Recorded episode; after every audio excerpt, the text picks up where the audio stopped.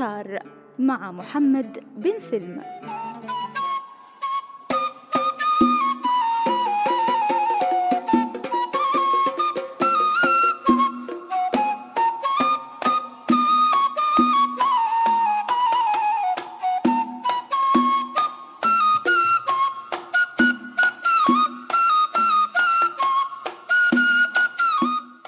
معظمنا يعرف الزربادي كموروث فني تشتهر به مدينة شبام بمحافظة حضرموت غير أنه من كان يتخيل أن يخرج من بين ابنيتها الطينية المسماة بناطحة السحاب.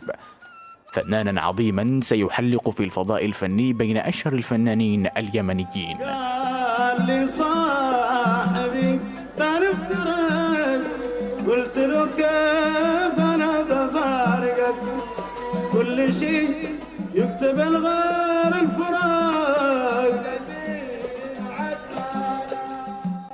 تمرس الفنان بدوي زبير على آلة المدروف ثم بقية الآلات تباعا فتعلم الكمان والعود والإيقاعات بأنواعها.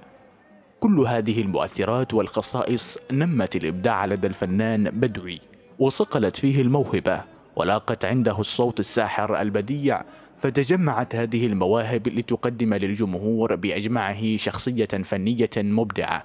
احتوت على كل ما تشتهيه أنفس المتذوقين من ألوان الطرب الأصيل الذي يلامس القلوب قبل الاسماع أين ود الذين في انتظار وجوده والمثل قال ما يخلف مواعيد الجيل.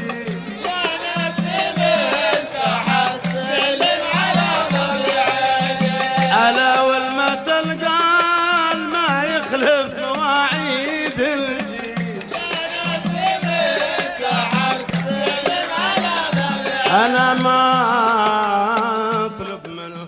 ومشى الفنان بدوي زبير على هذا النهج وأخذ يبحث عن ماذا يريد الناس فأخذ يغني أغاني الدان المتنوعة.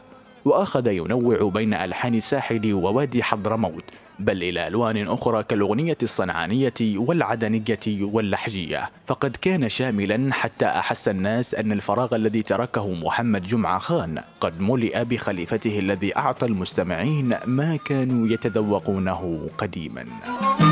ما بنساهم من خاطري لا ولا بسواهم قلبي قفاهم